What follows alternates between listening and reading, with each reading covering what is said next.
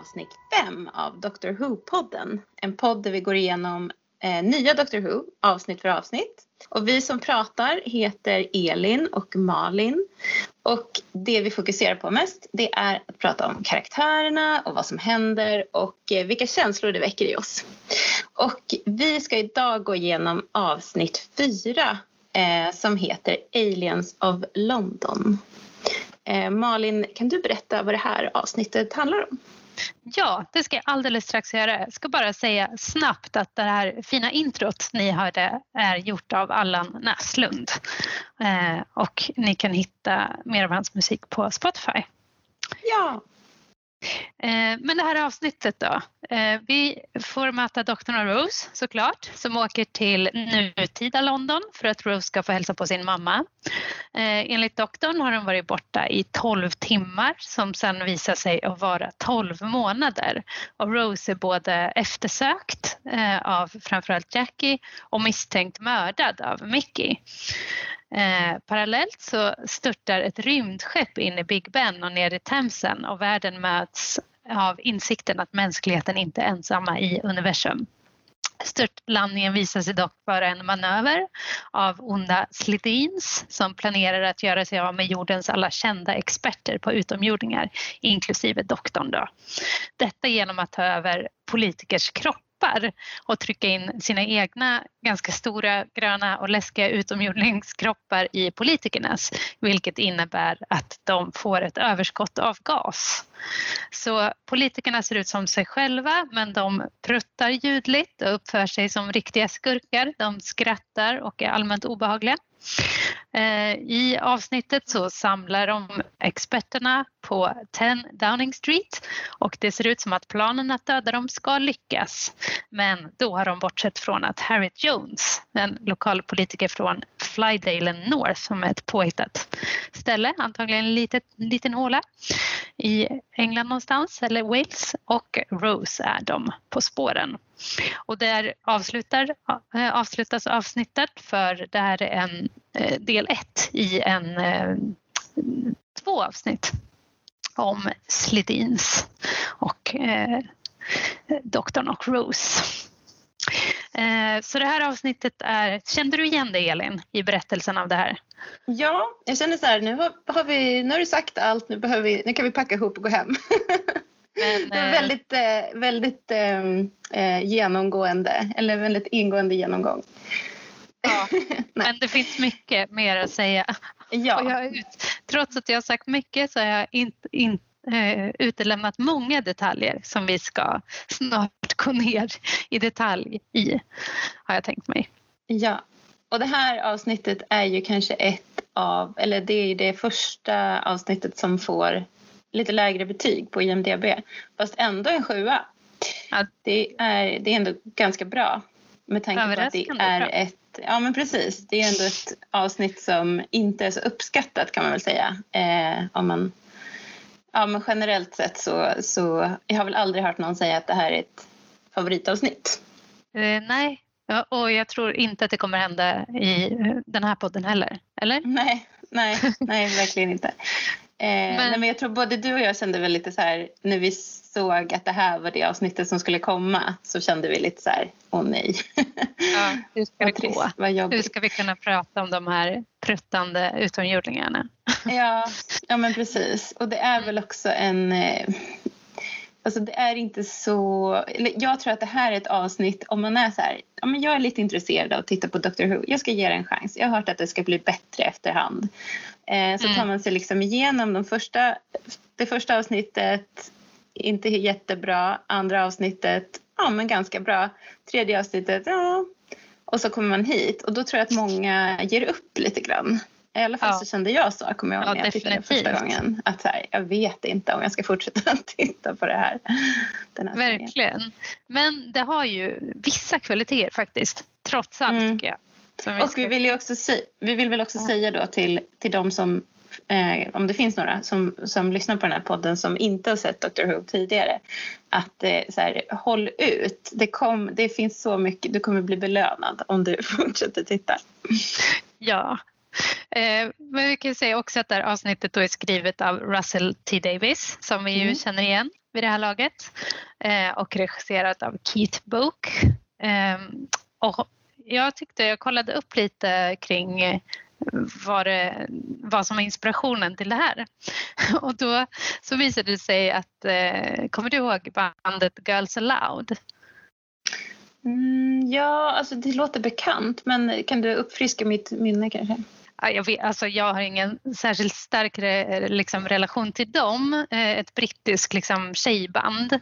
Ehm, de gjorde en låt som heter Jump där mm. de tar över 10 eh, Downing Street Alltså det stället där eh, premiärministern bor i England. Ja, ja, ja, ja just det. Det är en jättebra låt ju. Ja, ja, det tycker inte jag. Men eh, jag lyssnade på den och tittade på videon faktiskt just nu och var så här, jag bara, det här var väl inte så bra. Men, men, ja, men det är en ja. rolig låt. Den är, ja, den är lite den är, rolig. Visst, visst, är den med i, den är med i Love actually? Ja, det är den. Hugh Grant dansar runt till den där låten ja. i. Ja, just det. Eller mm. faktiskt så är det, det var tänkt så. Eh, men sen så valde de att inte ta med Girls Alouds version utan eh, originalversionen av den här låten Jump. Men ja, ja. Ja, men det var den jag tänkte på. Jag, tänkte, jag vet inte vilken version jag hörde i mitt huvud. Men okej, okay, ja, men de, de har gjort en cover på någon Ja, alltså. mm. så du hörde antagligen någon låt som var bättre. Fast okay. musiksmak är eh, subjektiv. Men eh, den här videon då så tar de över till Downing Street och vi får se liksom klipp ur Love actually där som du sa Hugh Grant spelar premiärministern.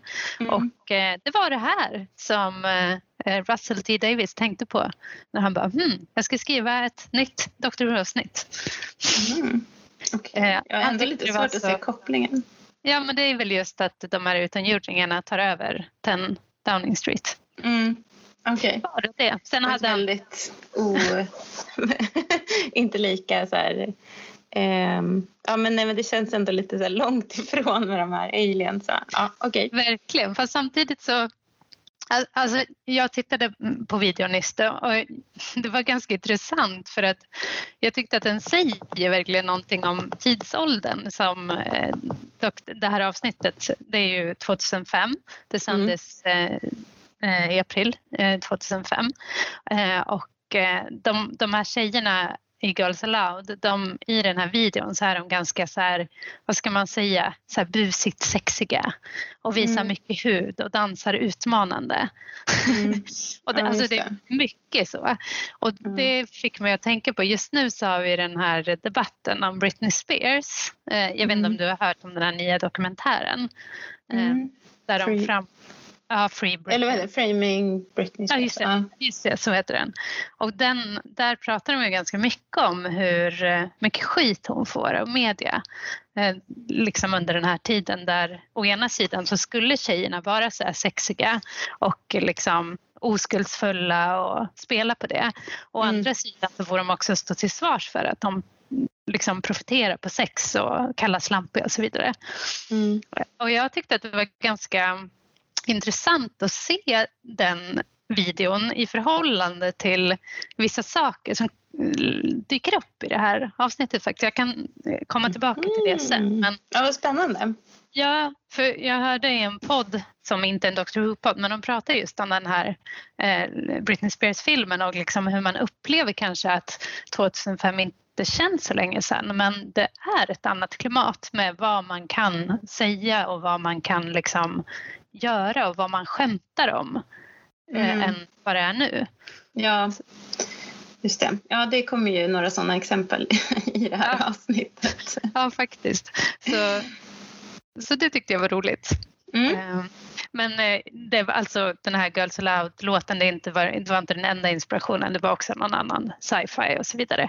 Och sen mm. så tror jag också att eh, eller det är mitt intryck i alla fall eftersom det här avsnittet också handlar mycket om Rose som kommer tillbaka till London och tiden har gått så handlar det ju ganska mycket om liksom, vad innebär det egentligen att vara en kompanjon eh, mm. till doktorn och bara komma tillbaka när världen har pågått och man själv har varit borta. Mm. Så mitt intryck Ja. är kanske att det är de- den berättelsen som Russell T Davis egentligen vill. Precis, alltså det underliggande spåret är ju lite grann vad hände efter att Rose försvann och hur, känns, hur går det, Mm. vad händer liksom med hennes liv nu, hur kommer hennes liv påverkas? Eh, och alla hennes, eh, ja men hennes närmaste då, och deras liv. Men också känns det också tycker jag som ett sätt att eh, men komma tillbaka till nutid och eller då, det här är ju ett år framåt i tiden då, eftersom de hamnar, de hamnar i 2006. Mm. Så det blir lite konstigt, det blir som fram, i fram, ett år i framtiden. Men eh, det är lite som att de... Eh, ja men de, de, man kommer tillbaka till nutid och sen så har, gör man en utomjordingsattack på, Mm. på nut, i nutid på, i den värld vi känner till. Så det är Mm. också så här en, en genre av eh, sci-fi som man visar här att det kommer vi också jobba med. liksom. Ja. Och det är ganska Ja. kul och man vill liksom få se hur folk reagerar på det. Vi hade ju det liksom i första avsnittet men då var det inte så tydligt att det var just utomjordingar. Då visste ju inte folk vad som hände riktigt. Men här så blir det liksom nyhetsrapportering, man tar in alla experter. Eh, Mm. Hur reagerar världen på en sån här yttre katastrof? Mm.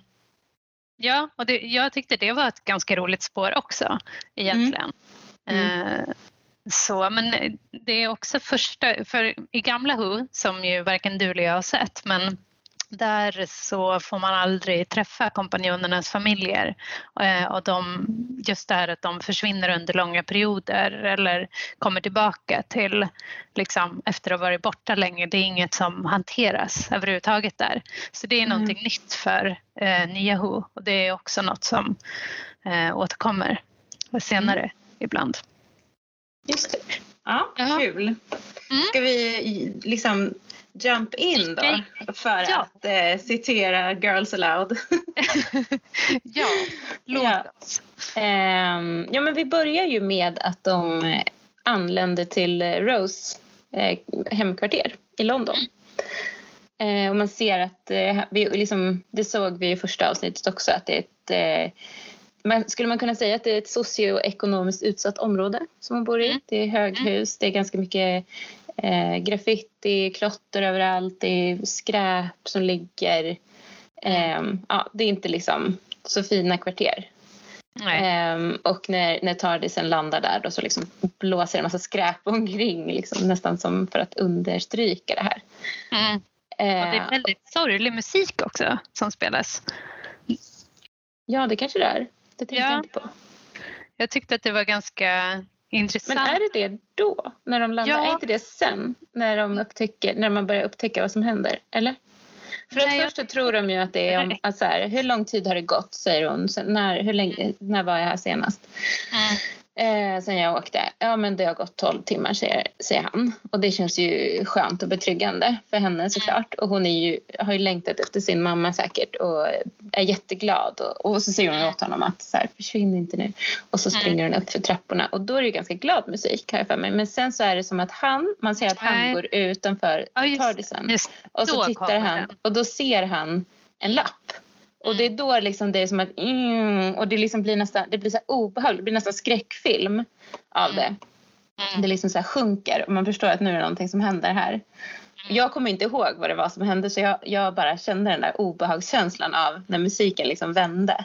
Mhm. Ehm, och hon fortsätter springa upp för trappan. Man ser vad han ser och det är en missing, en lapp, liksom en efterlyst lapp. Eh, att hon är borta och man förstår att det måste ha gått mycket mer än, än 12 timmar. Och så Mm. dyker hon in i lägenheten och Jackie är, liksom ser på henne och är helt förstummad. Ja, och först så kommer ju eh, Rose in där och är bara så här, lägger ifrån sig nycklarna, ropar så här, hallå jag är hemma, jag har varit hos min kompis och allt är verkligen fortfarande för henne så här, jag har bara varit borta en stund. Och sen Mm. så kommer det som du säger, Jackie då.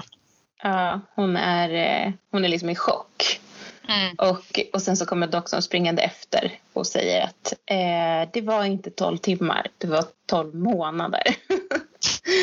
Vilket också, och han säger det ganska glatt på sitt vanliga sätt och in, Mm. förstår liksom inte eh, innebörden det här har för alla. Utan det är Nej. lite som att han, så här, han ser människorna som små myror. Liksom. Det, är inte, det är inte så viktigt att det är timmar eller månader. Alltså tiden är liksom, alltså han har så stora perspektiv så för honom är inte ett år viktigt. Men för Nej. dem är det ju det. Ja, verkligen. Ja, det tänkte jag också på, men han bryr sig inte om, eller han liksom märker inte ens att det är eh, fel när han ställer in sig där. För, precis som du säger, det är liksom månad, timme, det spelar ingen roll. Uh, mm. Nej, men jag känner ju verkligen så här, men hur bra är du på att styra den här tardisen, doktorn? Ja. Det, det, här händer, vi har redan sett det här hända flera gånger nu. Att eh, tardisen eh, ja, men missar så pass grovt. Ja. Men det är väl mm. det kanske som jag tänkte på, att det liksom missar grovt där så här, för honom är det kanske inte så. Eh, att, alltså så viktigt. Eller ja, det är det här The End of the World avsnittet och ja, eller där mm. kanske inte missar grovt, där kanske han åker dit han har tänkt sig. Men liksom, vanligtvis är han kanske intresserad av en tidsålder snarare än en specifik plats eller jag vet inte. Mm. Um, men här blir det ju viktigt för människorna. Mm. Ja, Så verkligen. Men eh, ja, vi går till, till introt och eh, sen så är vi tillbaka igen. Och vi ser ett barn eh, måla graffiti på Tardisen. Så det, men liksom, det understryker det här liksom, eh, samhället som är... Alltså barnen är på vift. Allting ja. är lite... Ja, det är inte riktigt... Alltså, att måla på Tardisen, hur understår han sig? Och han skriver Bad Wolf. Mm. Där, vilket kan göra att man får en, jag vet inte, en illavarslande känsla kring, kring doktorn kanske. Mm. Eh, eller ja. ja vi Men vet känns... ju också från förra avsnittet att eh, eh den här eh, kvinnan där. Eh, Gwyneth. Gwyneth eh, säger Bad Wolf också. Mm, Så nu börjar man ju känna igen det mm. lite. Mm. Vi har hört det tidigare. Mm. Eh, illavarslande låter det i alla fall. Eh, och samtidigt så hör vi då Jackie skälla ut Rose, vilket är ganska förklarligt. Hon går igenom så olika stadier av, alltså så att hon först är chockad och så blir hon glad, liksom blir hon arg och sen så blir hon, eh, börjar hon fråga vad som har hänt. Alltså det, hon har ju massa känslomässiga processer nu som hon måste gå igenom. Mm. Eh, och så är det en polis där också såklart för att de måste ju eh, anmäla att hon inte längre är försvunnen. Mm. Och Jack, eh, Rose blir också, från att vara ganska liksom glad och lugn och kul att vara tillbaka så blir hon också väldigt upprörd när hon ser vad... Precis, det är som att det sjunker in liksom långsamt och jag tänker mm. att det måste vara helt fruktansvärt. Tänk att missa ett år av sitt liv mm. på det sättet. Um, ja, men tänk om man hade barn. Jag tänk, alltså nu har inte hon barn men det kanske finns barn i hennes alltså Det händer ju så himla mycket på ett år. Mm. att bara missa ett år av sin familjs liv. Men det, och liksom vad, vad hon har liksom utsatt sin familj för. För senast hon hörde av sig till, till Jackie, det var ju då i, i End of the World, eller hur? När hon ringde mm. hem. Och Jackie var så här, vad är det med dig? Det är väl ingen, alltså, du har ju bara varit borta några timmar. Eller hon säger inte det, men Rose mm. förstår att det är ingenting konstigt som har hänt. Alltså för, för Jackie har hon, har hon inte varit borta eh, länge. Liksom. Men det måste ju då ha varit det sista eh, samtalet och efter det så måste ju Jackie verkligen ha gått igenom det i huvudet och funderat så här, vad betyder det, vad ville hon säga, vad hände mm. liksom. Mm. Men jag lyssnade på en podcast där de pratade om det här avsnittet eh, och då så sa de liksom att eh, om de hade fått reda på att Rose hade åkt iväg med en man som kallade sig för doktorn så skulle det ha varit ännu värre. Verkligen. Alltså så här, vilket seriemördarnamn. Ja, usch. Ja, väldigt obehagligt. Men polisen frågar ju en fråga som känns eh, som att den kanske är ställd för publikens skull. Mm. Han frågar, har ni för hans, eh, doktorn säger så här, om det är mitt fel, han, jag har anställt henne som min följeslagare. Mm. Och då frågar polisen så här, är det, ja, är det ett, en, ett sexuellt förhållande ni har? eh, och då är de bara så här, nej, nej, absolut inte. Att, och det är eh, roligt där för, för Rose hon har ju inte, alltså på den blick hon ger där, det syns ju att det är inget som har slagit henne ens. Hon ser bara mm. lite så här konstigt äcklad ut nästan. Uh, skulle mm. vi ha en sexuellt relation? Um, så. Mm. Och det känns ju skönt tycker jag Mm, som inte är ett fan också. av att eh, det ska vara några sexuella anspelningar mellan doktorn och hans följeslagare. Så, Mm. eh, så det, det, ja men här liksom, det kan ju vara lite så där, man, publiken kanske undrar, här ställer de frågan och de förnekar det och då kan man kanske lämna det Mm. bakom sig. Ehm, ja, och sen så sen håller ju Jackie på att anklaga doktorn då så här och säger hur gammal är du egentligen? Är du 40 eller 45? Eh, men det visar sig att han är mycket äldre än så och eh, hittar du henne på internet? Och du säger att du är en doktor. Vad är du? Och han bara, jag är en doktor, säger han. Men han är ju inte en doktor, han är ju den doktorn. Doktorn. Ja, Ja, så det tycker jag är Så konstigt det att var väldigt så förvirrande tycker jag också. Mm. Ja, för han, jag menar han är ju inte en doktor. Eh, men då så smäller hon till honom. Mm. Det är ju doktorn lite chockad tror jag. Ja, han blir Mm. ganska irriterad av, över, över Mm. det. Mm.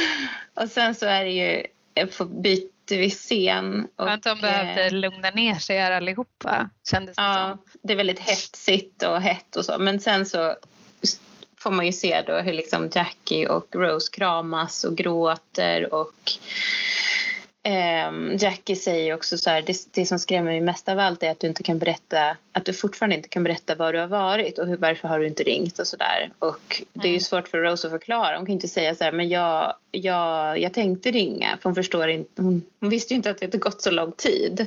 Mm. Eh, Det hade ju varit hemskt såklart om man var borta ett år och bara nej men jag glömde ringa på ett år. Ja, så jag tycker det är lite så här, varför är det så hemligt? Det är, alltså, varför kan man inte berätta det för sin mamma? Micke vet om var hon är till exempel. Eller jag är lite så här, lite svårt att köpa Mm. att det är sånt hemlighetsmakeri att hon behöver, alltså jag fattar att hon inte berättar det ännu, men just i den situationen där det är, när hon står så här, Mm. varför kan du, och hon fortfarande så här, Men ja, vad ska hon säga då? Ska hon, alltså hon, det är för att hon tror att mamman inte kommer förstå. Hon ja, men säger ju liksom till- ska hon säga så här, nej men jag har eh, åkt i, i, omkring i tid och, och rymd, rymden och i tiden. Det skulle ju Jackie inte tro på. Nej, men som sagt, ta med den till Tadersen och försök förklara. Det skulle ju vara ett svar i alla fall. Ja, men tror, för- jag tänker att hon tänker nog att doktorn inte skulle tycka att det var okej. Ja, Tror inte du ja, det? Att det, hon känner liksom att då kanske hon bryter ett kontrakt och det gör kanske att hon inte kommer få följa med igen. Eller, ja, jag tror inte hon vågar berätta. Nej, nej, de har ju i alla fall inte, alltså det är ju inte den atmosfären helt enkelt mellan Nej. Eh, Dr. Rose att det här är någonting som man pratar vitt och brett om. Men eh, samtidigt så, alltså för mig blir det verkligen så här, men är det inte dags att berätta? Sen får ju eh, Jackie veta det under avsnittets gång då, men men eh, här, man ser ju hur plåg, plågsamt det har varit för henne verkligen. Mm. Ja, men det är lite frustrerande. Mm. Men sen så är de uppe på taket. Eh, ehm, Men nu tar de den här pausen som jag eh, annonserade lite tidigare. De drar ja, just det. Ja, de, ut lite. ja. Och de pratar om det där med att, att, att det har gått ett år. Ehm, men, men doktorn har ju ingen förståelse för det där känns det som. Utan han är så här, men åh, ska det här bli ett så stort, stort problem? Ska du inte följa med nu? Eller, alltså han säger något sånt. Mm. Han känns bara irriterad och sen så är han väldigt sur över att bli slagen och säger Mm. att så här, 900 år och jag har aldrig blivit slagen av någons mamma förut. Mm. Så då får man ju då veta att han är eh, väldigt gammal, väldigt mycket äldre. Och Rose Ja. blir ju också lite chockad över det. och säger att hans, hennes mamma hade rätt i att det var en Mm. väldigt stor åldersskillnad. Mm. Men eh, ja, jag vet inte. Det känns lite... eh, Det känns ganska douchigt av honom. Alltså han är inte på sitt bästa i det här avsnittet heller kanske jag ska säga. Jag vet inte om jag... Det känns som jag klagat på honom mycket. Han kommer bli mycket bättre. Men... Ja. Eh, eh, nej men jag vet inte. Han har inte så mycket empati liksom. Nej, han är väldigt självupptagen och, och ja, men douchig liksom. Det är Mm. han som är huvudpersonen. Det är synd om honom att han har blivit liksom örfil. Medan Mm. det är ju någonting, alltså Rose går igenom någonting extremt jobbigt här. Och Mm. det talas det inte om. Och Rose försöker ju också här och liksom eller hon tar ju upp lite av det som pågår i hennes huvud. Hon säger någonting liknande med att här, det är bara jag i hela världen som vet att utomjordingar finns och liksom man ser att hon börjar processa att hon är liksom, vad det innebär. Mm. Att hon är och reser. Men det är också ganska roligt för att eh, det betyder att doktorn har inte berättat att han har haft kompanjoner tidigare.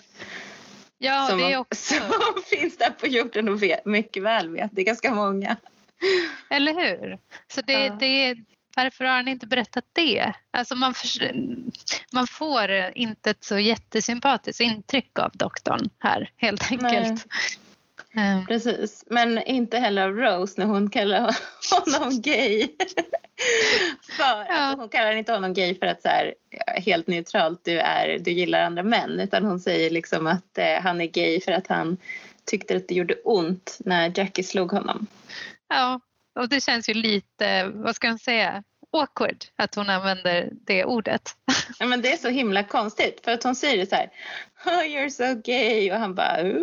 och sen så är det inget mer. Så är det något, sen börjar de prata om något annat och man bara ja. va? Vad hände? Du? Varför, varför, sa han så, varför sa hon så där? Eh, är det men också med tanke på att Russell T Davis som är manusförfattare av det här mm. avsnittet eh, själv är gay.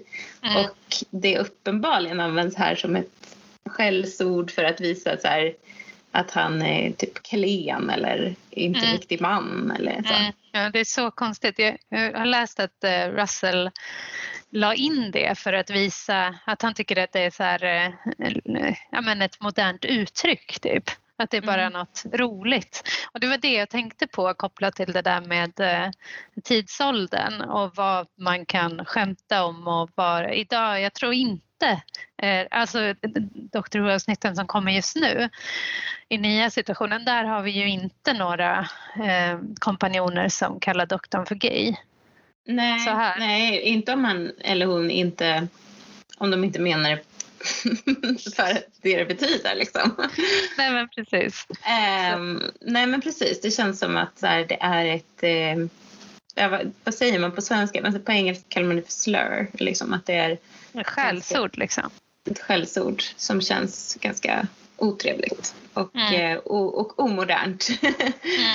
ja, men det är ju bara, ja, men just att om man nu vill lyfta in det för att prata om, alltså så att lyfta det som typ debatt så borde han ju mm. kanske ha gjort något mer av det. Tänker jag. Ja verkligen, jag tror inte det, eller det, enligt honom själv är ju inte det syftet men det är ju ganska tydligt också. Mm. Att ja. eh, de ska ju ha en rolig stund där på taket liksom, ha lite rolig jargong med varandra. Mm. Och sen så passar ett sånt ord in här. Mm. Jag ber, det är lite, jag menar vi, ja, det är inte så schysst mot eh, den publiken som identifierar sig som gay såklart. Nej precis, men det är också så här med tanke på eh, ja, jag ska inte, nej jag ska inte spoila någonting, skit i det. Eh, vi går vidare. Men hon säger också så här, varje konversation med dig eh, blir helt galen eller så här, goes mental säger hon. Mm. Eh, och det tycker jag var är ganska bra beskrivet för jag känner också det. Hon försöker alltid prata, det är som att hon hela tiden försöker prata om saker som är viktiga för henne och fråga honom och han mm. derailar och liksom börjar prata om andra saker och um, ger henne inte riktigt svar eller liksom de svar hon behöver. Så det, jag håller med om det. Mm. Men då kommer ju en, ett, ett utomjording, vad heter det, ett ufo flygande över, rakt över deras huvuden. Mm. Och flyger in över London. Och det är ganska dramatiskt för det liksom, man ser hur det flyger över man ser olika sevärdheter i London och det mm. flyger rakt in i Big Ben som liksom klångar till så här, poing, och, så, och, och, går av lite grann eller så här, går lite sönder. Mm. Det är ganska snyggt gjort. Det, jag hörde att det var någon, eh, att det var en modell som de hade gjort. Så, mm. Som de flög in i. Så det är ju snyggt. Det är inte så här dataanimerat dåligt från 2005 utan det, det är Nej, det ser bra ut. Mm. Ja, och det här skeppet tycker jag är ganska fint. Liksom. Alltså det ser, ju, ser man ju att det är datanimerat men det är liksom eh, det är lite så här, for, for, liksom formen är lite så knubbig och rund och, och, och, passar ganska bra ihop med hur utomjordingarna ser ut sen när man får se dem i slutet. Ja just det, det tänkte inte jag på. Bra iakttagelse.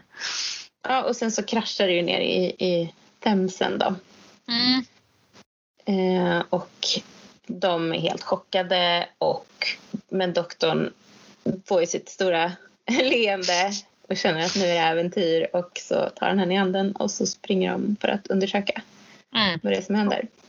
Och de glömmer bort stackars Jackie som fortfarande sitter ensam i lägenheten och är chockad.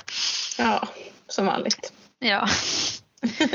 Och det här är ganska kul, för här får man då se så här, hur skulle världen reagera om det kommer ett, eh, ett, ett ufo och kraschlandar? Jo, men det skulle ju bli kaos och det blir trafikstockning och folk eh, hoppar ur sina bilar och, och klagar och man ser militären, man ser två militärer för de hade kanske inte någon större budget men två militärer står där Mm. och eh, vaktar. Eh, och doktorn och Rose fastnar liksom i den här trafikstockningen och kan inte ta Mm. sig vidare. Och här tänkte jag så här, men varför tar de inte TARDISen? Men då säger också Rose det. Hon bara, men vi har ju våran TARDIS. Eh, men då vill inte doktorn ta den för han är liksom rädd att den ska eh, råka illa ut för Mm. att det är ja, för att vä- världen är på, på vakt liksom att den skulle Mm. kunna bli beslagtagen kanske. Mm. Så då går de hem och tittar på tv Mm. istället. Men det är ju ganska roligt där, bara säga en kort grej om den här eh, liksom, trafikstockningen som de är i, hur folk reagerar. Eh, liksom en del är ju chockade och sådär men det är ju vissa som bara är så frustrerade och någon bara just my luck. Att fastna i en så här, ja det är lite Ja, men det kul. känns ju ganska att- typiskt. att det, är så, Ja. det är de där olika reaktionerna. Vissa är chockade och vissa är bara så här sura liksom, för att de skulle Ja, åka ja. till jobbet eller de hade ett jätteviktigt Mm. ärende eller någonting. Mm. Mm. Japp, men de åker hem och tittar på TV. Och det blir liksom någon slags tv-party hemma hos Jackie där typ olika ja, det, det kanske grannar eller vänner kommer förbi och dricker Mm. öl och ehm, har det ganska kul och Jackie håller på och pratar om att någon har så här bjudit ut henne på dejt. det är liksom hög stämning kan man Ja. säga.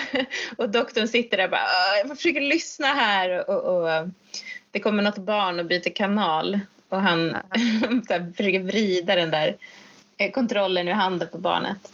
Jag noterade det där att eh, det här barnet byter kanal till ett bakprogram.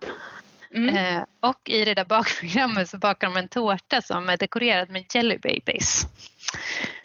Jelly babies. Exakt Mm. som är en grej med eh, en av de eh, doktorerna från gamla Who. Så det var lite Mm. fan pleasing där. Kul! Men det är också Mm. roligt. Alltså, tänker man då att det är så här att de har liksom plockat upp så här nu är det ett, ut, nu är det ett rymdskepp som har landat i, i, i London. Då ska vi baka en tårta med samma tema. Eller är det bara en slump liksom? Det var väldigt roligt. Mm. Mm. Det är tydligen ganska, ett ganska känt eh, bakprogram det där. Jag, Mhm. podden som jag lyssnade på som handlade om det här avsnittet, eh, då, där pratade de om så här I love eh, bla bla bla, men jag känner inte alls igen det. Men du känner inte heller igen det? Nej, det gör jag faktiskt inte. Nej. Jag tänkte så här, det här kommer Malin kanske ha koll på. Som, Ja, skäms lite nu Anglofil, hon den är. här utnämnda anglofilen. Har inte koll. Ehm, men eh, ja, men nu första gången i nästa scen då så är det för första Mm. gången så, så är vi inte längre i, vi har inte längre eh, Rose och doktorns perspektiv utan vi får se någonting som händer liksom utanför dem som de inte vet om. Mm. Eh, för vi får följa någon överbefälhavare som, som kommer in på ett sjukhus och får se den här kroppen. Mm. Eh, som vi då har fått höra från nyhetsrapporteringen att den har förts till ett sjukhus som heter Albion Hospital tror jag. Mm. Ehm, och där är det då en läkare som tydligen är med i Torchwood, den här spin-off-serien av Doctor Who. Mm. Hon gjorde ett bra, en bra insats här tyckte de. Ja, som vanligt så återanvänder de. Men då hon Mm. spelar samma karaktär tydligen Mm. i Torchwood som hon spelar här. Så det är inte där att de har använt en skådespelare igen och som spelar något annat utan det är samma. Eh, men hon säger då att det här är, hon bekräftar att det är en utomjordisk kropp och att den är död. Men de Mm. lyfter liksom på ett lakan och vi får inte se. Och hela avsnittet är väldigt mycket så att ehm, vi får inte veta. Vi, hela, vi hålls på halster väldigt länge kring vad som händer och Mm. vad som egentligen pågår. Mm. Ehm, Men man får ju sen- intrycket av att alltså när de tittar på dem utomjordingen eh, att det, det är helt sjukt. Ja, ja men precis. Det är något helt sjukt. Bara, herregud, vad är det här? Mm. liksom. De kan inte tro sina ögon. Nej, nej men verkligen. Mm. Och hon säger också att hon har skannat eh, hjärnan så hon har, den är helt eh, absolut utomjordisk, säger hon. Mm. Eh, och sen, men sen springer hon efter honom och frågar så här, är det sant det de säger om premiärministern? Men hon får inget svar. Så man, får, man förstår att det är någonting som har hänt, men man får inte veta vad. Mm. Och då blir det ett klipp igen, eller hur? Precis, vi får väl se en, annan minister eh, mm. som kliver ur en bil som heter Joseph Green. Och eh, nu, alltså jag är dålig på, Amerik eller som, eh, inte amerikansk, eh, brittisk politik och så. Men det här är alltså någon minister förstår jag.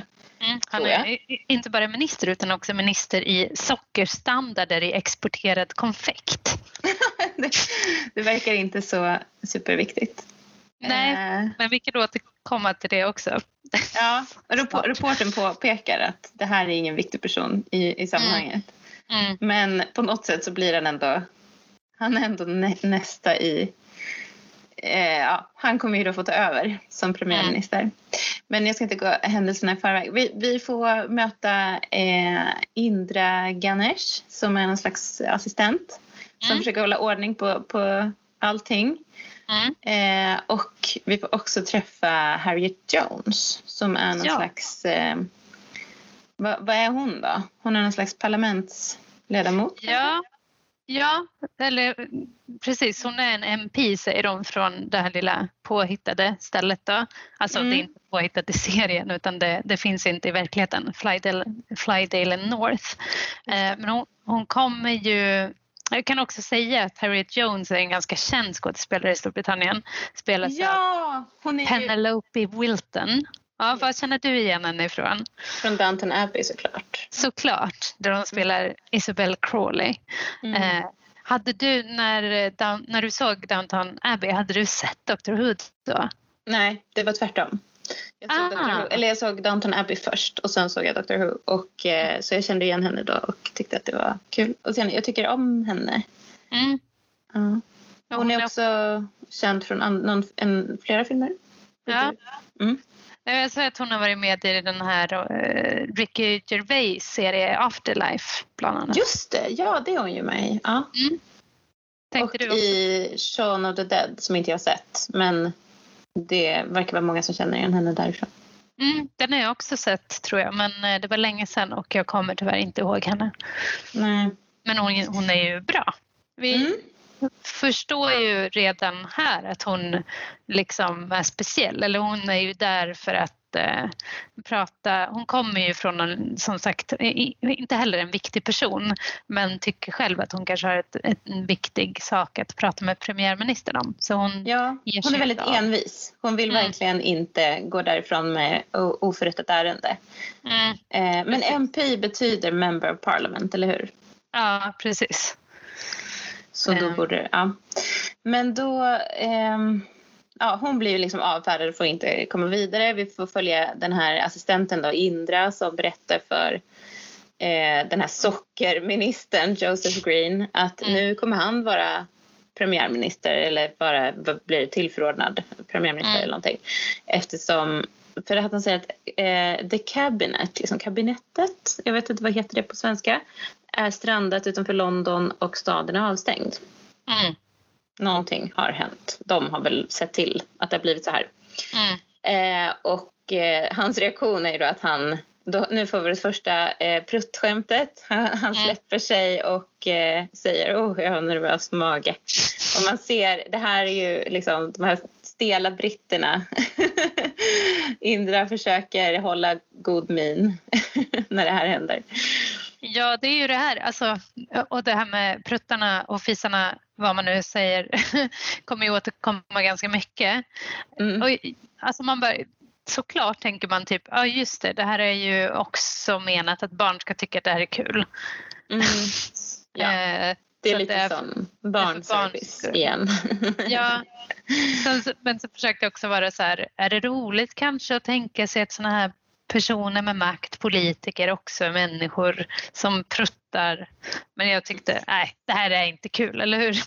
Nej men det är verkligen inte min typ av humor och säkert inte, men vissa kanske tycker att det här är kul. Eh, liksom. eh, det, det, men vi ska väl säga att det här är inte typiskt Dr Who-humor eh, heller.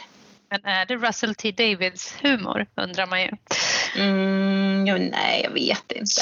Jag känner inte att det, liksom, att det här är någonting som återkommer. Men däremot så kan man väl, jag tycker inte att det är helt otänkbart att, att det kan vara så här det funkar. För att de släpper ju gas för att de tränger in sig i de här eh, kostymerna. Men vi kan ja. komma till det sen när vi mm. Ja, det är ju inte som att det, det, bara är, eh, alltså det finns en förklaring. Men... Annars hade det varit ännu värre. Ja, mycket, mycket värre. Men fortfarande ett extremt fånigt eh, inslag.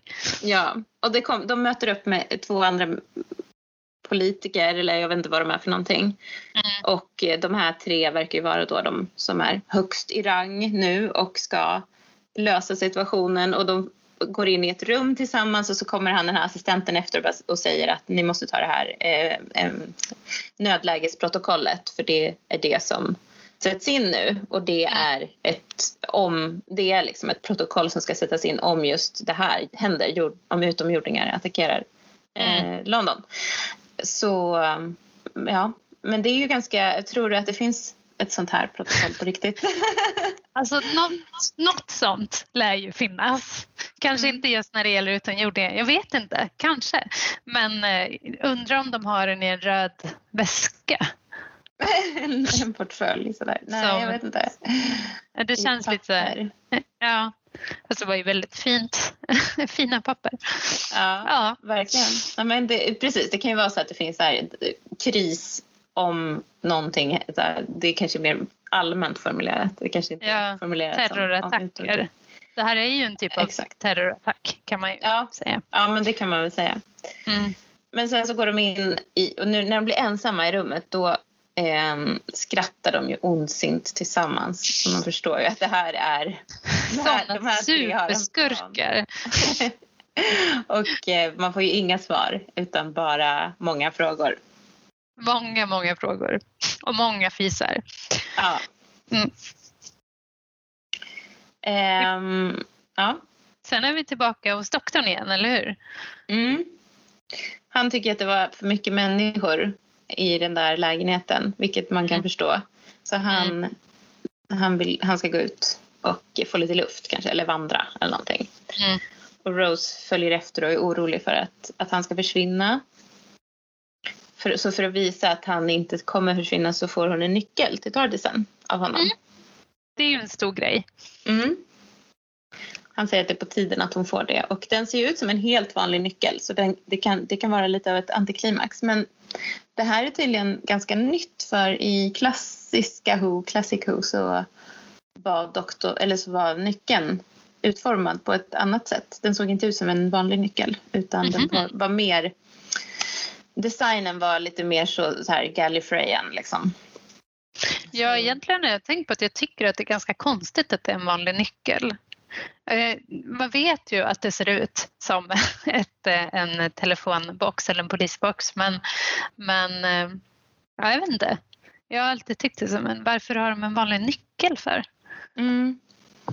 Det är väl, jag, jag gillar det ganska mycket för att det känns eh, ja, men för att det känns så himla vanligt och mm. eh, vardagligt. Och, ja, men det är kul på något sätt. Men känns ju inte som att om den här eh, farkosten tillverkades på Gallifrey så skulle den ju inte nyckeln ha sett ut så.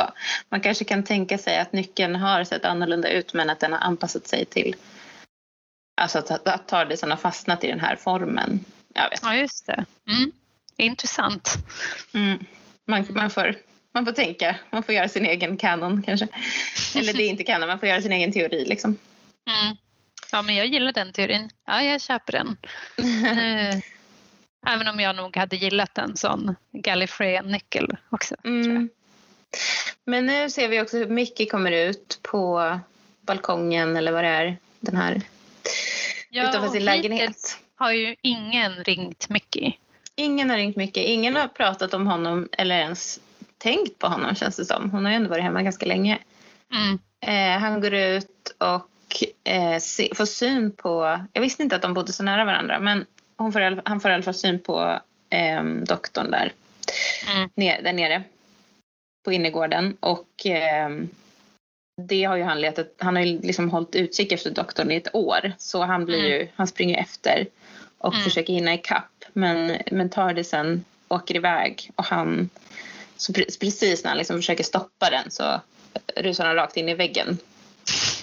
Ja, och få den här igen. Jag tycker det är så dubbelt hur Mickey är porträtterad i de här tidiga Mm. avsnitten. Där liksom, man ser ju också efter att han har rusat ut i väggen att han försöker se lite cool ut typ. När han reser sig upp. Ja. Eh, för att verka som att ja, men, eh, det var inget konstigt som hände här. Och Mm. det känns så taskigt mot honom tycker jag. Ja, verkligen. Jag, jag tänkte när jag såg det här, han, han som spelar eh, Mickey heter Noel Clark.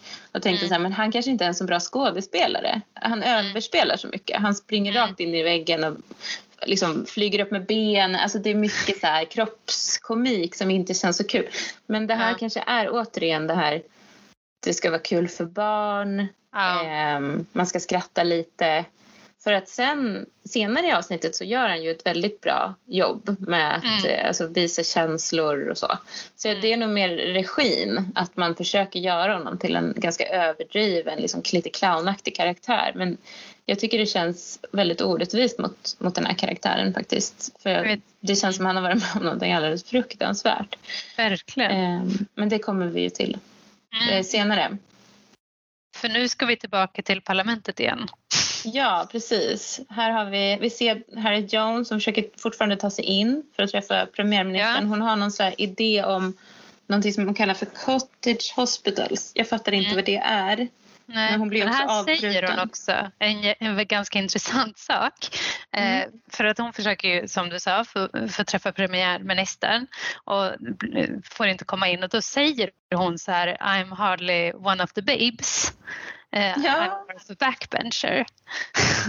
Ja. Eh, och det här det är en hänvisning till valet 1997 när Blair gjorde en så här jätte, alltså Tony Blair som var eh, premiärminister då, eh, segrade stort och så fick han in eh, rekordmånga kvinnor i parlamentet.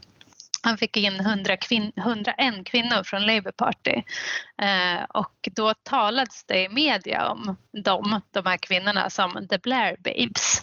Nej. Vilket ledde till jättestor debatt då om liksom kvinnohat och kvinnors roll i politiken. Mm. Eh, och och eh, det är intressant idag, eller 2019 när det var val förra gången, då är det bara 10 av de här 100 en kvinnorna kvar. Nej, vad sorgligt. Ja, det är Men. Men det är ganska intressant. roligt att de lägger in det här, att hon Mm. säger det. Eh, Ja, för det där fattade inte jag alls. The one of the babes. Jag var så här, va? Alltså jag bara bortsåg från det för att jag förstod inte. ja. Men vad intressant. Men också så här, verkligen, man kan ju verkligen relatera till det. Och eh, alltså alla som är lite äldre som minns hur Gudrun Schyman porträtterades när hon blev partiledare för Vänsterpartiet i de här höga Ja. klackarna. Och, ja, Ja. helt otroligt. Eh, det, det var verkligen så som man såg på kvinnor inom politiken då. ja, De skulle vara sexobjekt också samtidigt som de skulle vara politiker. Ja, och där tycker jag, jag tycker också att Alltså absolut, och det är så intressant att eh, han har, uh, Russell Dav- Davids har tagit in det här. Eh, Mm. För det är ju ändå, upplever jag det som då, att hon säger det är en liksom ehm, kritisk kommentar till det. Så det är Mm. inte bara en, ett så här roligt skämt. Nej. Eh, medan som sagt eh, doktorn, eller Rose förut kunde säga att doktorn var gay som ett skämt. Så det är lite Mm. så här olika nivåer av vad man ska skämta om och så. Men det Mm. kan ju vara så att det också bara lades in som en kul referens. Men Ja, precis. Det kanske var... Vi vet ju inte riktigt. Alltså den här gay-referensen kanske var ett sätt att försöka lyfta det, inte vet jag. Eller så var det här ett sätt att bara skämta. Det är svårt att veta Mm. exakt vad som är vad. Men, men det var ju intressant i alla fall och det känns ju som att Eh, hon känns ju som en bra och kompetent person. Eller jag vet inte, jag vet ingenting om hennes cottage hospitals men det känns i alla fall som att hon har tänkt till, hon har tänkt igenom planen och hon, har, hon är väldigt dedikerad till att försöka eh, få upp den på agendan. Och jag gillar ju generellt att de lägger in den här, alltså hon framstår som kompetent eh, men hon, och, och hon är också liksom en medelålders kvinna. Så, och mm. att de har lagt in en sån roll med en kvinna som får vara den här kompetenta personen gillade jag. Ja men verkligen. Eh, men hon träffar ju då det här, nu är det den här Mr Green då som har blivit mm. eh, premiärminister eller som tagit hans roll. Och, hans, och hon försöker få, prata med honom och få hans uppmärksamhet och hon säger, han säger åt henne att eh, skärpa sig för att det här mm. det är, det är mycket, och det har han ju rätt i såklart. Alltså att det, de kan inte hålla på och prata om andra saker nu för nu finns det mycket, mycket viktigare saker mm. som händer. Och då går ju de iväg allihopa och lämnar eh, dörren öppen och hon smyger in för att mm. lämna sin, sitt förslag då i hans portfölj. Och då hittar hon det här eh, nödlägesprotokollet. Och av någon mm. anledning så sätter hon sig och liksom bara, Va, vad är det som händer? Alltså jag vet inte riktigt varför. Men hon sätter sig och läser det. Hon förstår att... att något är lurt helt enkelt. Mm, vilket gör att hon sen kommer att avslöja dem. Så det är ju spännande. Mm. Mm. Och i nästa scen så ser vi då, eh, då är vi tillbaka på Albion Hospital och ser den här läkaren eh, som tog hand om den här utomjordingen. Och det börjar liksom banka eh, lite otäckt. Och där, nu är vi tillbaka på de här de, de döda som reste sig igen. Mm. Väldigt otäckt. De döda på bårhuset som mm. vi såg i förra avsnittet. Eh, så det är lite skräckkänsla. Eh, och det är liksom korsklipps lite med att doktorn är också där och håller på att försöka ta sig in. Mm. Eh, men kommer in i ett rum fullt med militärer mm. som riktar sina vapen mot honom. Um, men samt sen när de då hör att någonting händer, den här eh, utomjordingen då bryter sig lös.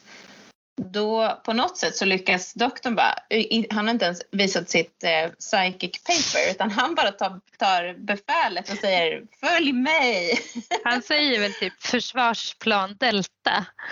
Ja. Och då förstår alla, förstår alla att man bara kan följa efter dem. Det är jättekonstigt. Ja, det är väldigt konstigt. Det känns som att mm. militären borde inte militärer skulle inte, ska väl inte följa efter någon som inte är deras som inte är över dem i rang. Som, ja, det är jättekonstigt men de gör det i alla fall. Det är en militär själv eller något liknande. Exakt. Um, och det, de, han, han säger åt dem att de får inte skjuta. Man ser den här utomjordingen komma springande och man ser då att det är en gris. Mm. Det är ett grishuvud men det är en gris som springer på två ben och har kläder på sig. Mm och, han, och den kommer springande genom korridoren mot en militär som då blir så himla rädd så att den, han skjuter eh, grisen. Mm. Eh, och, och det är jättehemskt och, och, och, och doktorn blir jättearg. Och, och jag tycker att... faktiskt att det är en av de få scenerna i det här avsnittet där jag faktiskt tycker om doktorn. Ja. Eh, och han gör en eh, ganska bra insats där jag känner igen doktorn. Och den Precis, han, han kunde, men han, ja, en bättre insats hade ju varit om han hade lyckats rädda den här stackars grisens liv. Det gör han ju inte. Nej. Eh, men han säger i alla fall att den var ju bara rädd. Den, mm. den var mm. livrädd. Det var därför den sprang.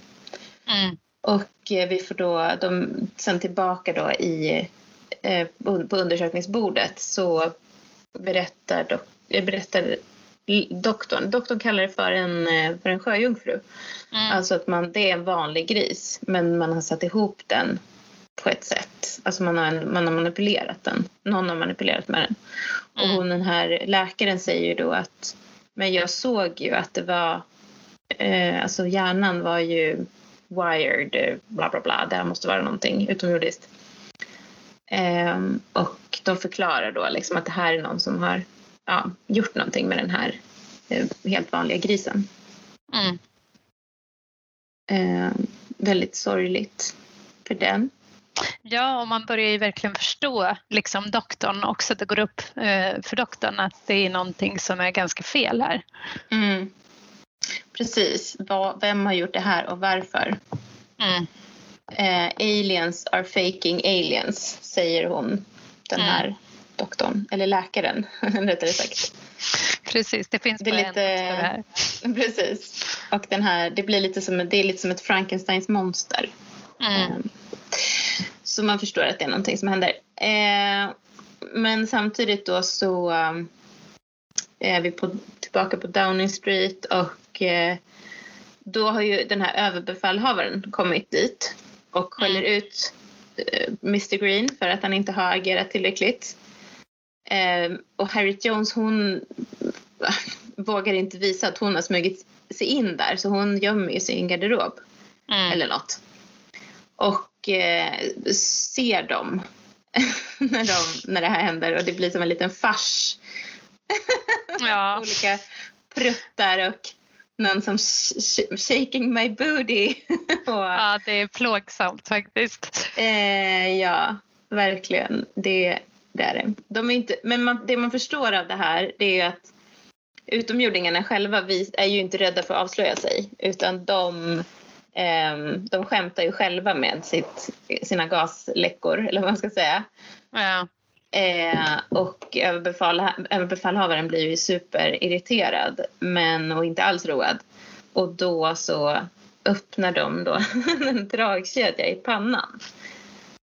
Helt rimligt. Eh, helt rimligt. Väldigt konstigt. Ja. Och det börjar lysa blått från den här eh, glipan.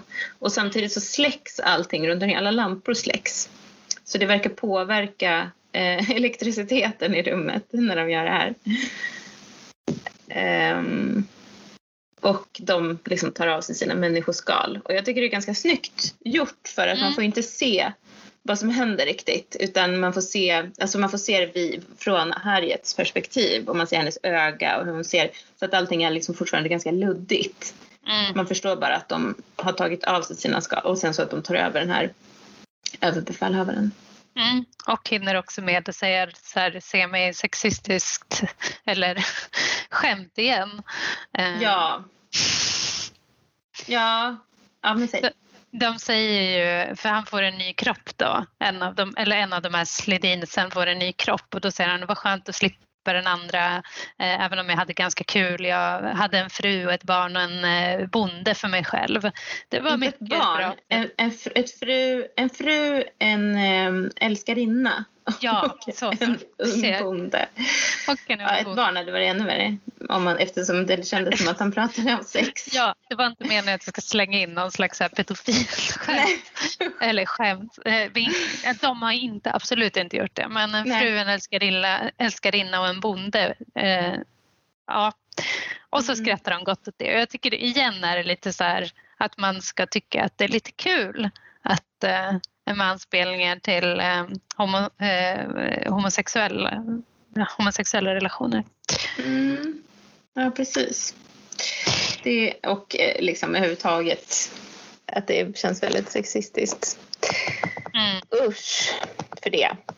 Ehm, men vi lämnar utomjordingarna en stund och nu så kommer en av de mest känslomässiga scenerna Ja. när Mickey kommer in i Jackies lägenhet och eh, får syn på Rose där bland alla människor. Mm. Och alla tystnar och ser väldigt skuldmedvetna ut, tänker jag. Tycker jag i alla fall. Mm. Eh, och Rose reser sig och sa, säger att hon att jag, jag skulle höra av mig. Eller jag skulle liksom komma och se dig, träffa dig. Men man undrar lite grann när det hade hänt. Mm. För det kändes inte alls som hon hade någon tanke på honom. Absolut inte.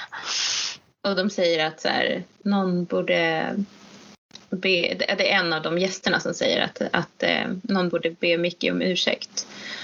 Och det visar sig då att Jackie har eh, trakasserat honom. Mm. Helt, alltså inte konstigt heller för det visar sig då att Mickey han har blivit förhörd av polisen fem gånger Mm. eh, för att de misstänker att han har mördat Rose. Mm. Och Jackie har ju också gått och misstänkt det och ja, trakasserat honom, spridit rykten. Och skvall, ja, precis skvallrat om det området. Ja. Mm, Ja. Vilket man verkligen förstår för att det är ju så det ser ut i verkligheten. Att är det en, någon som är en kvinna som försvinner så är det oftast pojkvännen som Ja, bakom. å ena sidan förstår jag det men å andra sidan, alltså Jackie borde ju också känna eh, Mickey. För vi får veta senare att liksom Mickey och eh, Rose har lärt känna varandra, eller de har känt varandra i princip hela livet. Och, mm. så, och de bor väldigt nära varandra och så här, så man kan ju tycka att um, att Mickey borde nästan vara som en son eller i alla fall en så nära person till Jackie också. Men mm. uppenbarligen så är det inte det. Men, men precis som du säger så är det också så här, alltså vad ska man tro? När, ja, statistiskt eh, sett så, han, så har hon rätt. Ja, och dessutom så han har ju en hemlighet eh, som kanske är tydligt att han vet mer än vad han eh, egentligen säger. För ja. han vet ju Precis, han vet ju att hon har åkt iväg med doktorn. Mm. Men man förstår ju verkligen att, att han har lidit väldigt mycket men att han ändå har hållit den här hemligheten för sig själv mm.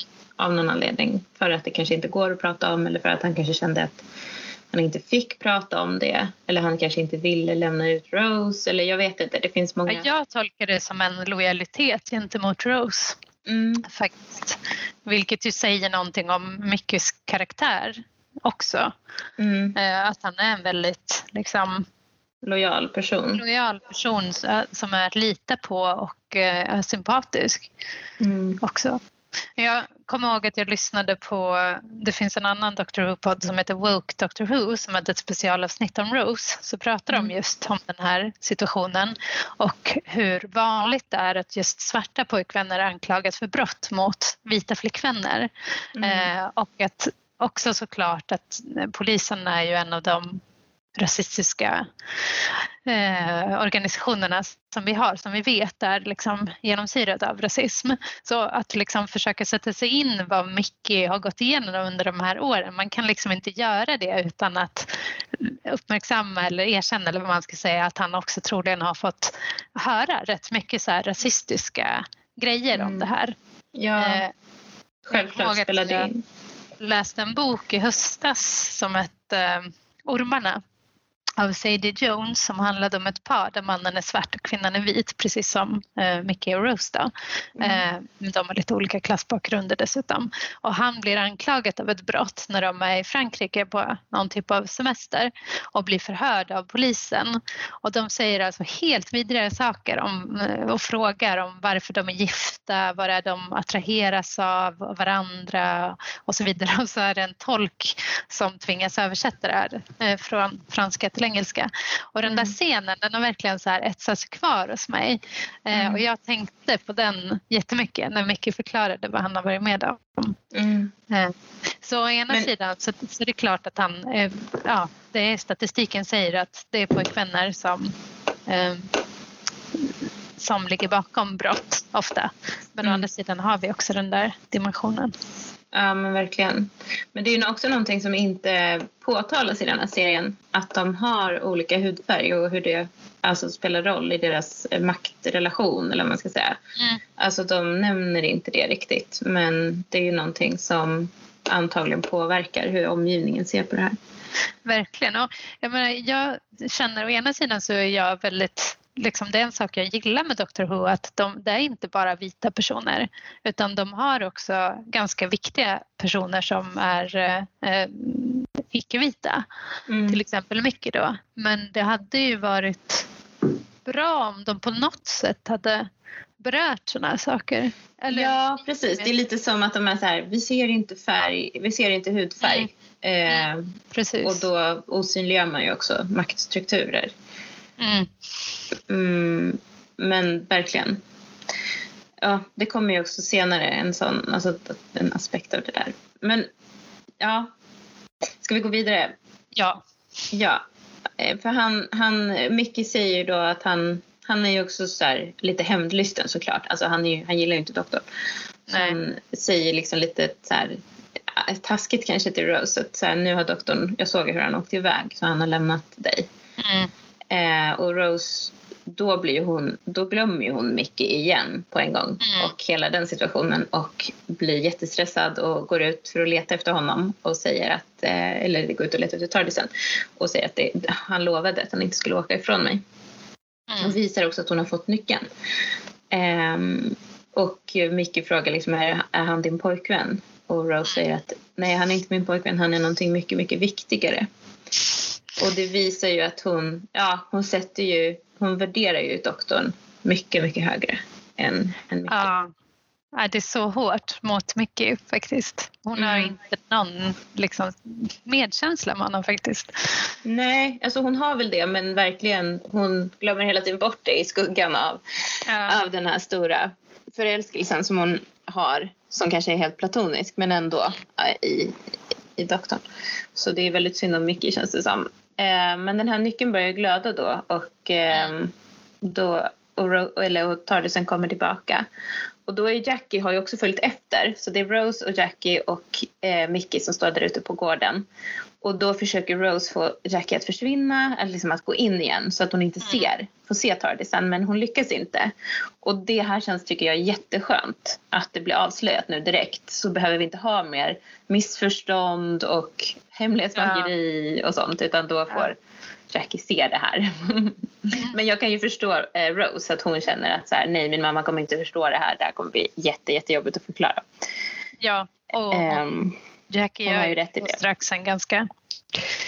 dum grej. Ja, Mm. precis. Och de, men de går in i Tardisen. Och doktorn står där och eh, men han blir ju verkligen inte nöjd över att få se eh, Rose anhang. Ehm, och ehm, Mickey börjar ju anklaga honom då. Men doktorn är ju superotrevlig och använder så här härskartekniker genom att säga, kalla honom för fel namn, kalla honom för Ricky istället för Mickey och Mm. säger att han är dum och ja, men han är jätteosympatisk. Mm. Ehm, och Jackie blir ju eh, superstressad över det här och eh, det hon får se och kan liksom inte riktigt ta in det så hon springer upp till lägenheten. Ehm, men eh, doktorn är väldigt så här, fokuserad på problemet. Eh, vad är det som händer? Vi måste lösa det här. Eh, the problem at hand liksom. Mm. Eh, och då säger ju Mickey någonting ganska smart. För han säger så här, det är ju, ja, men, det är ju inte ett bra sätt att invadera om man sätter hela världen på red alert. Och Nej. det lyssnar ju doktorn på. Ja. Och det sätter ju igång hans process också. ja, så han bidrar med någonting Ja, eh, till doktorns överraskning i alla fall. precis. Och eh, samtidigt så ser vi att Jackie då ja, känner sig helt överväldigad av alla intryck och bestämmer sig till slut för att ringa polisen då och rapportera eh, doktorn. Mm. Eh, och då sätts ju ett larm igång eftersom ordet doktorn är ett slags sökord som, som sätter igång ett eh, larmsystem. Så på datorskärmarna där på Downing Street så, så lyser det rött och så står det så doktorn. Vilket är ganska roligt. Det är ganska kul faktiskt. Mm. Och det, det, nu, blir, nu förstår man ju då att doktorn och Rose kommer att bli, eller de blir upphämtade av militären helt enkelt. Ja men precis, men innan det så har Ja ju Mickey och ja, Rose ett väldigt går jag. intimt samtal som är fi- Ja. väldigt fint tycker jag. Ja, och här ser man ju att det finns en kemi mellan dem. Ja, och det, ja, men det är det här som blir så dubbelt att liksom att Rose gör så här med honom. Att hon å ena sidan kan vara så här, doktorn är mycket viktigare än en pojkvän någonsin kan vara och springer iväg och sen så helt plötsligt kan hon vara jätteömsint och verkligen visa den här värmen och kärleken. Och, alltså det måste Precis, och flörtar. Man Ja, ser att hon precis. flörtar lite med honom. De är Ja. väldigt nära att kyssa varandra. Mm. Och eh, hon frågar också så här, har du träffat någon, du har dejtat någon annan under det här året? Och han bara, nej det har jag inte gjort. Men det är mest för att alla tror att jag har mördat dig. Ja. Men, eh, men doktorn avbryter deras fina intima stund för att han har ju spårat det här rymdskeppet Ja. eh, och gjort en rekonstruktion och ser då att det här rymdskeppet har ju har flugit runt jorden och startade också på jorden. Eller hur? Just det. Visst var det så? Ja, de, har varit, de, de här utomjordingarna har varit där längre än vad de har utgett sig för att vara helt enkelt. Precis, de kommer ju på någonting viktigt där. Det jag också tänkte på här det var att han och bankade på, på, på skärmen. Ja. På monitorn. Och det känns lite som, det man, har se, man ser ju det tidigare också när han håller på att försöka styra Tardisen så har han lite problem. Då tar han någon slags hammare och börjar banka.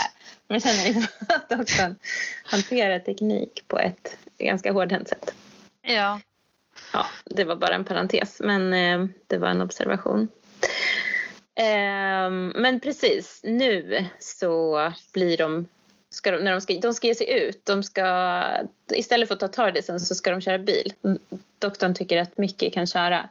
Men då blir de ju eh, omringade av eh, militär och polis och det är världens pådrag. Och Mickey blir ju svinrädd och med tanke på att han är en svart man från ett eh, socioekonomiskt utsatt område så förstår man ju det. Ja, alltså, det är inte... varit misstänkt för att mörda. Mordmisstänkt. Ja. Alltså ingenting bra kan hända så han sticker ju och gömmer sig och det är, för, förstår man ju. Eh, så här känner man ju starkt white privilege när doktorn bara take me to your leader och är så himla glad och avslappnad och så hamnar doktorn och Rose i en eh, limousin mm. när de ska åka till till parlamentet eller till Downing Street. Jag vet inte. Mm. Mm. Um, vill du lägga får... till något?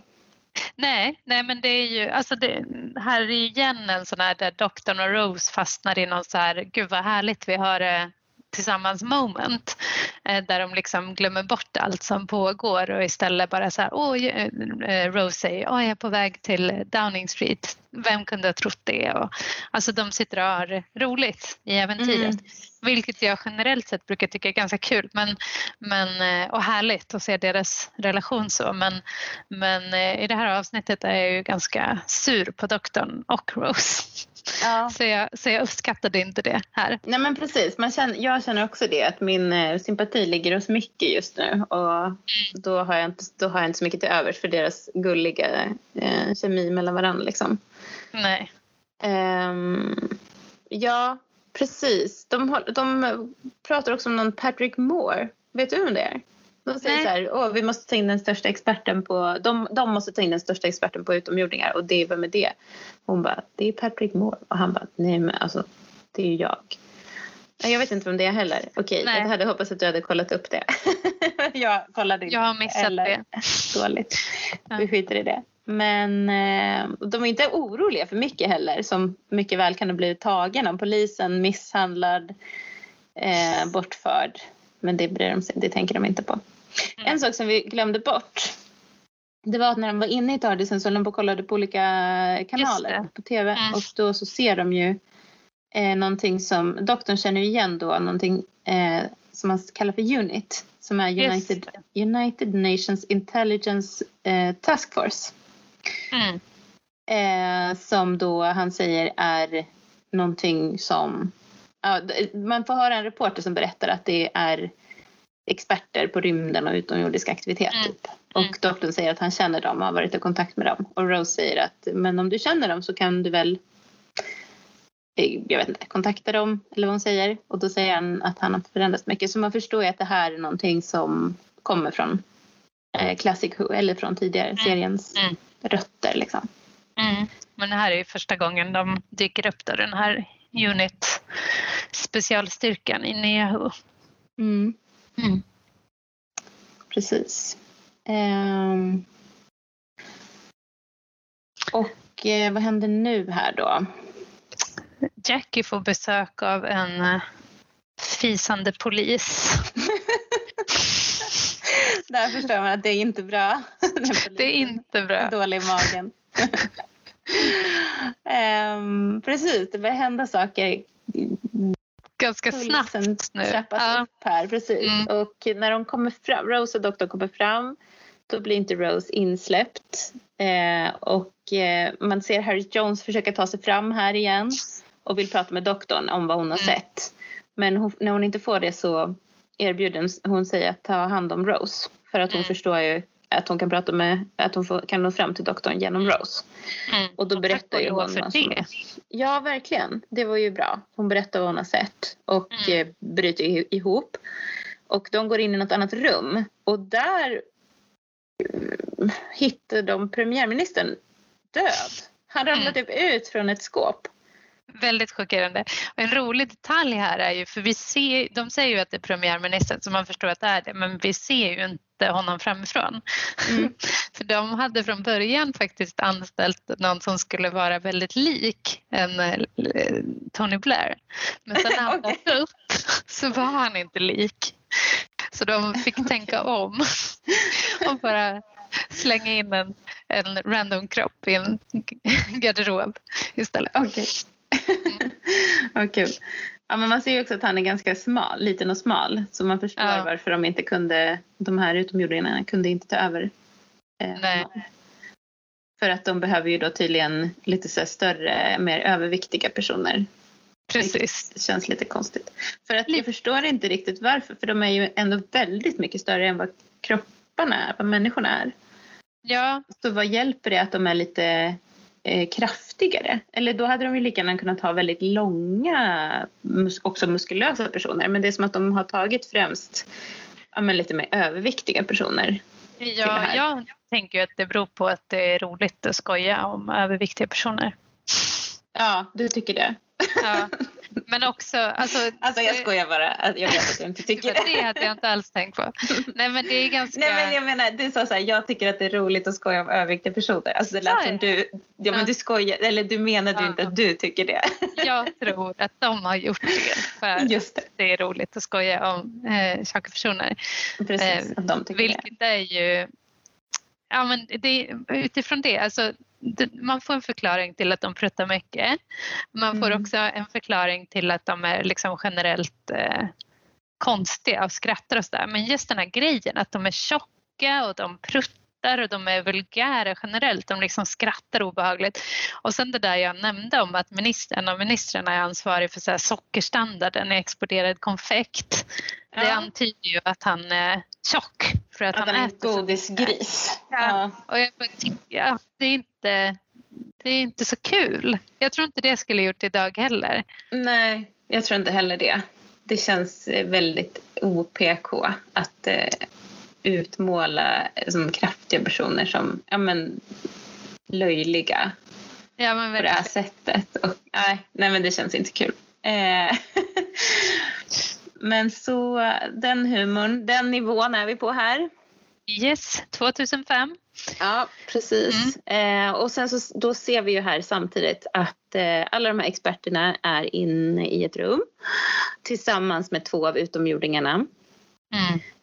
Eh, och eh, doktorn börjar ju nu snacka och eh, börjar han, det är som att han, jag tror han pratar, medan han pratar så kommer han på saker. Han Mm. börjar prata om vad det är som egentligen händer här. Mm. Och här känner jag liksom att hans ego kommer i vägen för hans eh, smarthet eller vad man ska säga. För att han, han säger ju eh, det här är inte en avledningsmanöver, det är en fälla. Mm. Eh, och det kanske han inte borde ha sagt. Han kanske skulle ha tänkt det för sig själv istället för att Ja, ställa sig upp och babbla och för att kunna lösa situationen. Mm. För det Eh, skapar ju dels lite panik bland dem i rummet och dels eh, ja, Dels så får, de, får han ju inget förhands... Eh, han får ju ingen upper hand eller vad man ska säga utan han... Eh, ja, om det är en fälla då ska han ju inte säga... Då måste han ju hålla den informationen för sig själv så han kan lösa det, tänker man i alla fall. Mm, mm. För den här då t- tillförordnade premiärministern eh, pruttar då medan han pratar. Doktorn ber honom att inte prutta medan han försöker rädda världen. lite en rolig, liksom, rolig kommentar men som du säger, han li- tycker lite för mycket om sig själv. Ja, precis. Det är, ganska, det är ganska roligt faktiskt. Men då avslöjar de ju sig. Och Mm. eh, vi ser här hur det händer samtidigt. Hur de, eh, en av utomjordingarna i rummet med experterna drar öppnar, öppnar den här dragkedjan i pannan. Polisen hemma hos Jackie har, tar av sig mössan och har en, eh, vad heter det, dragkedja i pannan med så här uppenbar, alltså det är så, liksom, den syns väldigt tydligt här. Ja. Ehm, och öppnar den. Och det här blåa ljuset kommer. Och, eh, och samma sak händer ju då eh, med Rose som är tillsammans med, eh, med Harriet Jones och den här assistenten. För då kommer mm. den här kvinnan in, den här kvinnliga eh, mm. utomjordingen och eh, drar också upp det här eh, sitt skal. Och nu får vi egentligen se hur de ser ut. Och de ja. berättar också att de heter Slytherins. Vilket mm. får mig i alla fall att tänka på Slytherin såklart. Så jag känner att jag blandar, vill blanda ihop de här två orden. Ja, de är ju mm. också gröna, precis som Slytherins. Precis, och eh, inte helt sympatiska. Eller ja, det där kanske är inte en diskussion vi ska gå in i. Om Slytherin är onda eller inte. Men eh, ja, men jag tycker de har ganska gulliga huvuden. Ja, alltså, men de är ju så stora, och har, stora och gulliga. Ja. Och plut, de har så små plutmunnar och så. Så att de är liksom mm. så här bebisaktiga i ansiktet. Som är ganska mm. gulliga. Så. Men de är ganska bra gjorda. Och så har de så jättestora klo-liknande händer. Som mm. är ganska läskiga. Så de är ju, alltså jag gillar verkligen att de är, det är ju uppenbarligen eh, dockor, alltså fysiska dockor som de har gjort. Så att mm. man, de är ganska välgjorda för att vara Doctor Who. Om man ja. får säga så. Ja. Ja. Och eh, de, då, och de elektrifierar alla experterna och det slutar så. Väldigt spännande. Mm, det känns ju som att eh, nu är det kört. Det är en lite sån känsla. Mm. Hur ska de ta sig ur det här? Man ser doktorn bli liksom elektrifierad. Man ser eh, den här utomjordingen gå emot Jackie för att kanske döda henne då. Och ja, Rose och Harriet Jones är också inträngda i ett hörn. Mm. Och sen kommer ju direkt också så i nästa avsnitt. Men vi ja, kanske det... inte ska nämna det för att det spoilar ju väldigt mycket. Så är det så att man har sett det här avsnittet men har stängt av mm. vad som händer i nästa avsnitt så, ska vi inte, så tänker jag vi behöver inte prata om det kanske. Nej, vi hoppar över det. Och det fick också ganska mycket kritik att de körde igång det direkt. Ja, för det eh, spoilar ju ganska mycket vad som kommer att hända.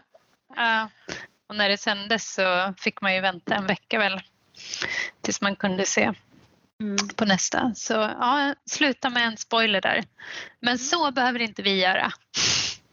Nej, det behöver, vi kan vara bättre än så. Ja. Men eh, vad säger du? Nu, vi har pratat om ganska mycket. Vi har pratat om eh, rasistiska poliser, eh, fatshaming, eh, sexism, eh, otrevlig och duschig doktor. Eh, vad tyckte du om avsnittet om du ska sammanfatta det lite? Um, nej men det är verkligen inte ett av de bästa avsnitten. Um, jag tycker att det är intressant med hela den här aspekten av att liksom se vad som händer med Rose familj och, eller anhöriga när hon är mm. borta. Och, och jag tycker om att de lyfter den situationen. Liksom. Jag känner väldigt starkt för både Jackie och för Mickey. Men jag känner att ja, men avsnittet strular ju bort det ganska mycket. Det får inte så stor eh, vikt. Liksom. Nej, precis. Nej. Vad tycker du? Nej.